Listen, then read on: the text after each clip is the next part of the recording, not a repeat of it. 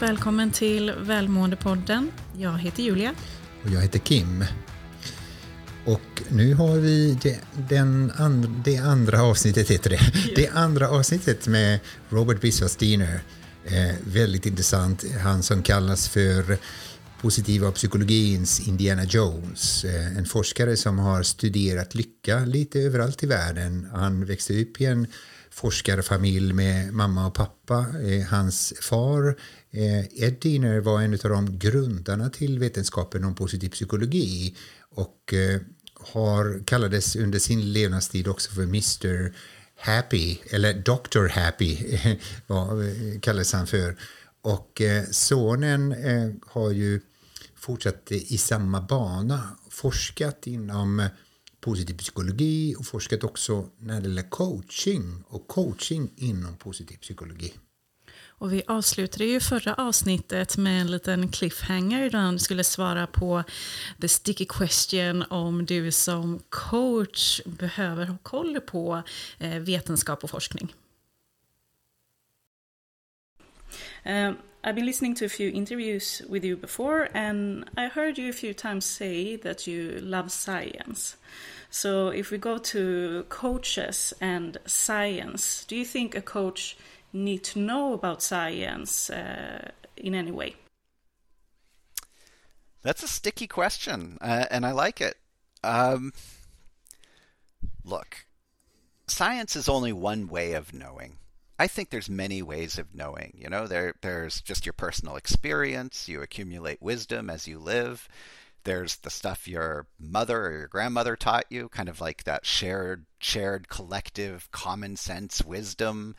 Uh, there's faith for some people. Uh, you know, they they're guided by their sense of spirituality or or even formal religiosity, and I think all of those are legitimate ways of knowing.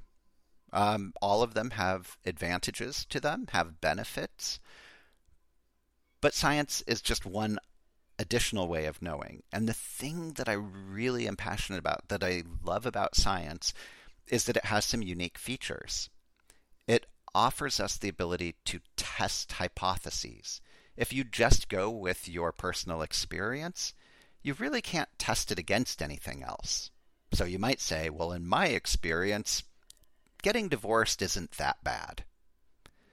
But what science can do is say, well, let's go out and talk to a thousand people who went through a divorce and find out kind of on average how bad it is. And we can see, you know, maybe for some people it is, maybe for some people it isn't. And even better, we can identify what about those people makes it bad or what about those people makes it not so bad.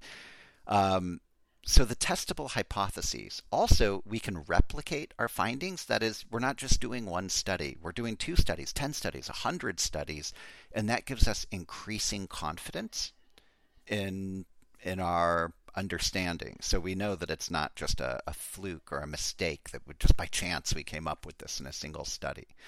Um, that's pretty great because I I don't think faith does that. I don't think common sense does that. So I think it's particularly helpful to inform coaching because one, we can test coaching itself. We can do studies and say, what about coaching works? Does coaching work? What do we even mean by saying coaching works? Like, what are the outcomes we're looking at? What are the mechanisms that happen in a coaching session that are most helpful to clients? We can go out and interview clients and find out about that. So, science is pretty great for coaches.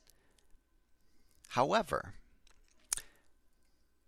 there in the world of coaching is a lot of sort of pseudoscience or half science. People, um, you know, they might say, and I'm going to be delicate about this, but they might say, I'm informed by neuroscience, which is fine because I think neuroscience is a legitimate science. And if it can tell us things about behavior change and coaching, we should listen to that.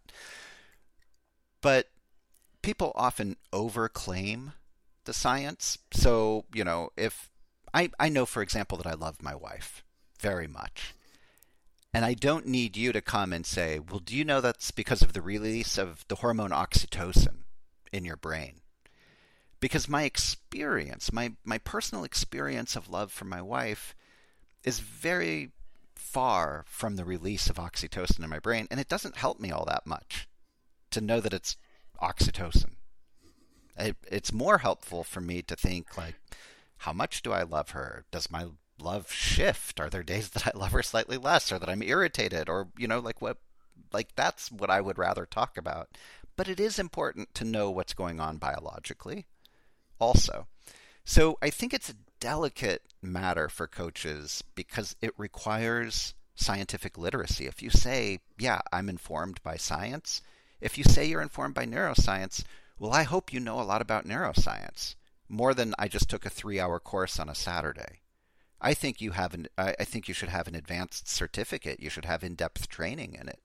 Um, you should really develop scientific literacy so that you can keep up with and use science in a responsible way. And for many coaches, that's a big obstacle because they don't feel like, oh, I'm not a psychologist, I'm not a neuroscientist. So, what is my role? Can I talk about science even though I don't have an advanced degree? Amazing. That is really good uh, description. You know, so we can uh, lean toward science, but we can also lean toward uh, our experiences. As as, as I heard uh, Mikhail Csikszentmihalyi talking uh, in, I think it was in Montreal, when he said, you know, this is only my opinion, but maybe the science is going in in further on uh, give another result because uh, different res results because it's easy. We have to research further on. That's uh, that's really interesting thing, you know. So so we have our own experiences uh, about testing. You know, testing, uh, coaching. Your uh, newest book, Positive Provocation. I think it's uh, your seventh book. I think, isn't that? I don't. Who's counting? it doesn't. It doesn't matter. What What made you made you write this book about positive provocation? Um, I think I'm wired a little differently than other people, uh, which is I've always had a natural ability to look at things from a pretty fresh point of view. Now that might just be code for saying I can be a jerk um, or just you know play devil's advocate. But I want to. That's why I put positive before the word provocation because I think if you're an internet troll, you're probably provocative. You're just challenging people for the sake of challenge. But I've never been interested in that. I've always been interested in exploring ideas and saying, well, that idea's okay, but let's let's peek under the hood. Let's let's find out are there exceptions to that? Is there nuance? Let's look at it in a sophisticated way. And I always felt that coaching really needed this because in the world of coaching, there's a certain culture where people just sort of say these things. Um, I'll give you a quick example. Uh, in English, people often say, I don't believe in shoulds. And, and the word should, you know, sort of meaning an obligation. But what people are really saying when they say, I don't believe in shoulds, is they're saying, sometimes people can be too hard on themselves. I think. But when I just take that statement, I don't believe in shoulds, I think that doesn't really hold up. All of us have lots of shoulds. We have lots of duties, lots of obligations. If someone is hit by a car on the street near you, you should help them. And I want to live in a society where people experience a lot of shoulds I should be kind to people. I should help where possible. I should reflect on myself. Um, you know, I, I think those are fair shoulds. And so, what I was aiming for with positive provocation is to look at the world of coaching and look at some of our just basic assumptions. What is our assumptions about how coaching works? What is our underlying philosophy about coaching? Um, and I chose 25 different assumptions, and I simply questioned them. Not to suggest that I'm better than other people or that I know the truth and they don't, or that, you know, I'm just telling you, oh, you're wrong about everything you believe, because I don't know the truth. And so I was just like, hey, what about this? Because maybe you and I disagree, and I think that's fine. You have a right to think it through and arrive at your own opinion. But what I care about is that you've thought it through. What I don't want is for someone to go through coach training and say, well, that's what I was taught, and therefore I do it. What I want is for them to go through coach training and to say, some of the things in my coach training I love, some of the things didn't make sense, so I modified them a little, and that's how I arrived where I am today. Yeah, that, that's amazing. I mean, the book, I believe, is such a good challenge for you as a coach, and it really helps you uh, to become a better coach. And that's also why we have uh, uh, this group of coaches gathering uh, a few Fridays together where we talk about this, like. But what do you believe? What is your experience? Uh, are we wrong? Are we right? What is this all about? Um, so regarding these provocations in your book, um, which provocation do you think is the one that people have reacted most to? Like, uh, yeah, regarding the provocations, like, is this really a good provocation to put out? There, there are several. Um, there are some that people really like, and they're like, "Oh, I've kind of been thinking about this, and this gave me permission to say yes, this is what I believe." And I like that reaction. There are a couple that people have a strong negative reaction to. And one of those, um, I think it's called something like Are you sending your client into battle? It's one of the later provocations. And just to, to lay out the premise, in coaching, co- coaching came from encounter groups from the 1970s, these sort of self help groups and from cognitive therapy, right? And cognitive therapy is, is, a good therapy. It works. If you come in with depressive symptoms, the idea is maybe you're thinking about things in an unhelpful way. You're being too rigid, too black and white, too perfectionistic. And if we can change the way you think, then maybe your symptoms of distress will be better. And that really informed coaching in its early stages. And so you find the legacy of that in, in coaching now. And you hear it in questions like this, which are very common. To the client, you say, you know, how might you be holding yourself back? What are your self limiting beliefs? How might you be getting in your own way? What are you so afraid of? But if you hear those, at least as I hear them, those are pretty negative questions. And they're negative because they present a very clinicalized, problem based view of the client. You're saying, you know what? And I'm going to say this more strongly than I believe it. But you know what, client? There's something a little broken about you. And if only we could fix it, then you'll be better. If only we could fix this broken thinking, this the self-limiting belief. And I think that what you're doing there is putting your client at war with themselves. And when people go to war with themselves, that's a pretty hard battle to win. Because even if they're the victor, they're also the loser. And fortunately, I think you can sidestep this. So, this is the other part of my provocation. I'm not just pointing out problems, I'm also trying to fill in the holes. Um, for me, I just fundamentally don't believe that my clients are a problem. And when I interact with people, I mostly don't think that people have self limiting beliefs. I, I do acknowledge that in some extreme cases, yes, there are. I mean, I do think self limiting beliefs exist, but I think mostly the stuff we're seeing is not it. So if I have a client say, I'm just no good at this, my first thought is, maybe they're no good at this. They might be completely accurate. Like, why take that away from them? Maybe it's an accurate self assessment. But maybe it's not accurate. Maybe they actually are good at it, but they're saying they're not good at it. Well, is that something broken that I need to fix? I don't think so. I'm like, hey, what's going on that you would be saying about yourself that you're not that good at it? And usually it's something really logical. Like, I just want to be cautious, or I'm a little bit afraid to fail, I don't want to fail in public. Um, I don't want to risk too many of my resources. And those are all really normal things to think Who does want to fail in public? Who does want to take too many risks? So I don't think that that's a, a messed up or a problematic way of thinking.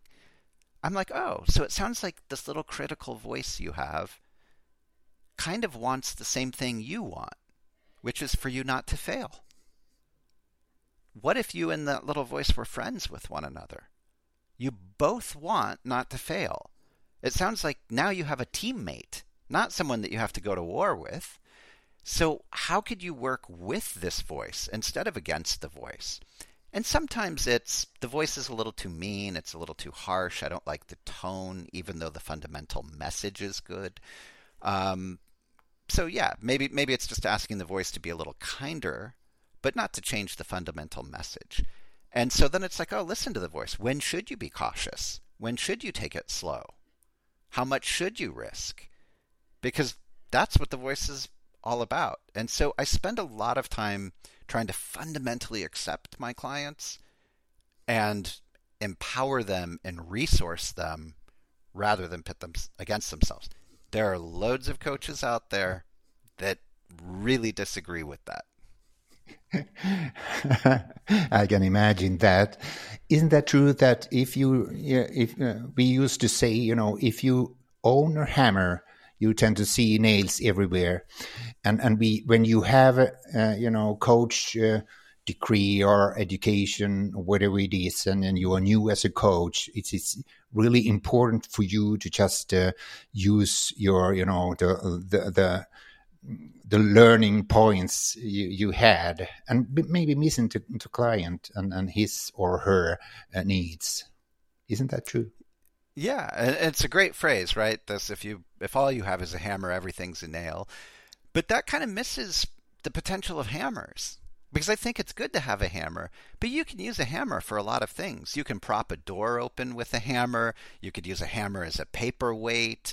You could use a hammer for self-defense. I don't know to threaten someone. I don't like there, there's loads of uses of hammers. That's probably a terrible example, by the way, that last one.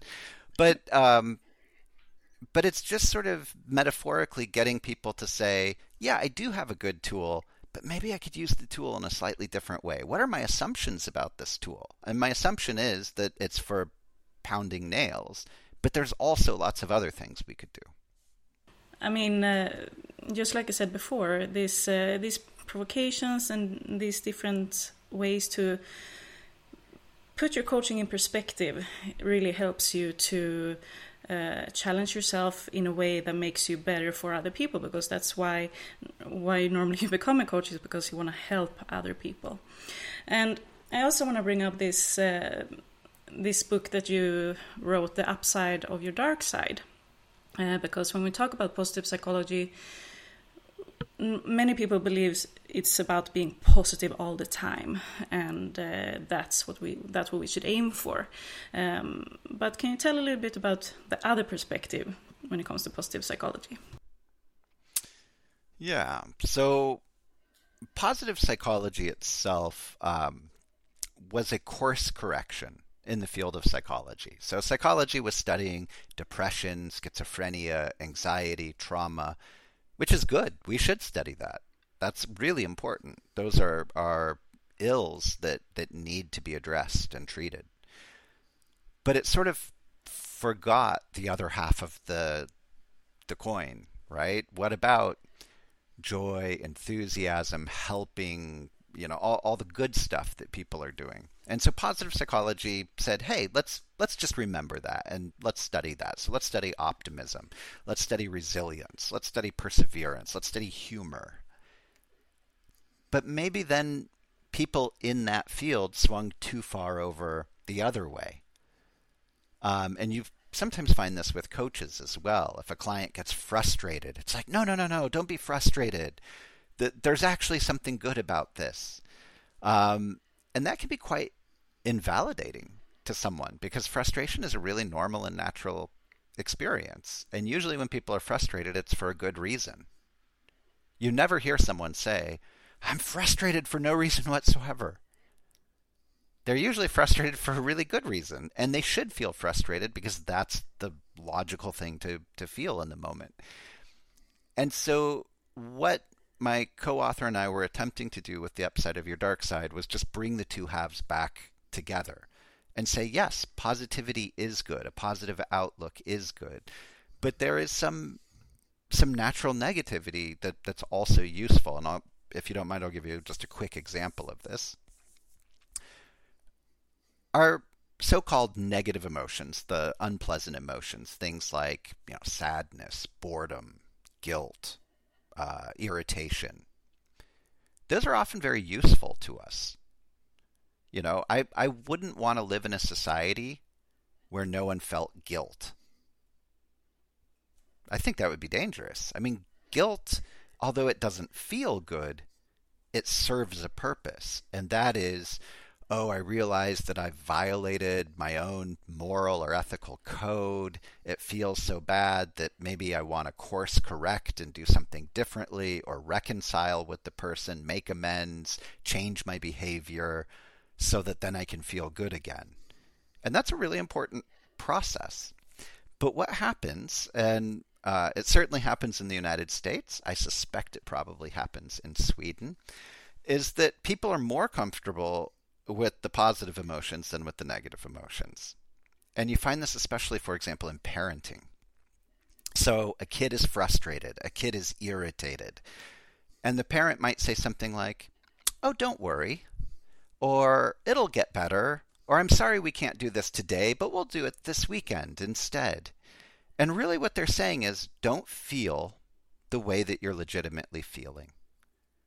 And I think that's a pretty hard message to send to a kid because it's like saying, don't trust your feelings. You can't handle your feelings. And often in the case of parenting, what it means is your negative feelings are inconvenient for me. I'd rather relax this evening because I had a hard day at work, and here you are all frustrated, and that's very inconvenient. I wish you were happy because it would make it easier for me to be happy.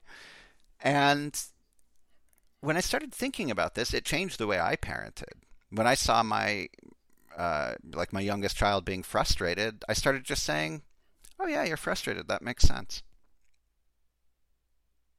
and just let him feel that. And I think that is more helpful and and helps us sort of accept the negative as a legitimate experience along with the positive, which we're all naturally seeking.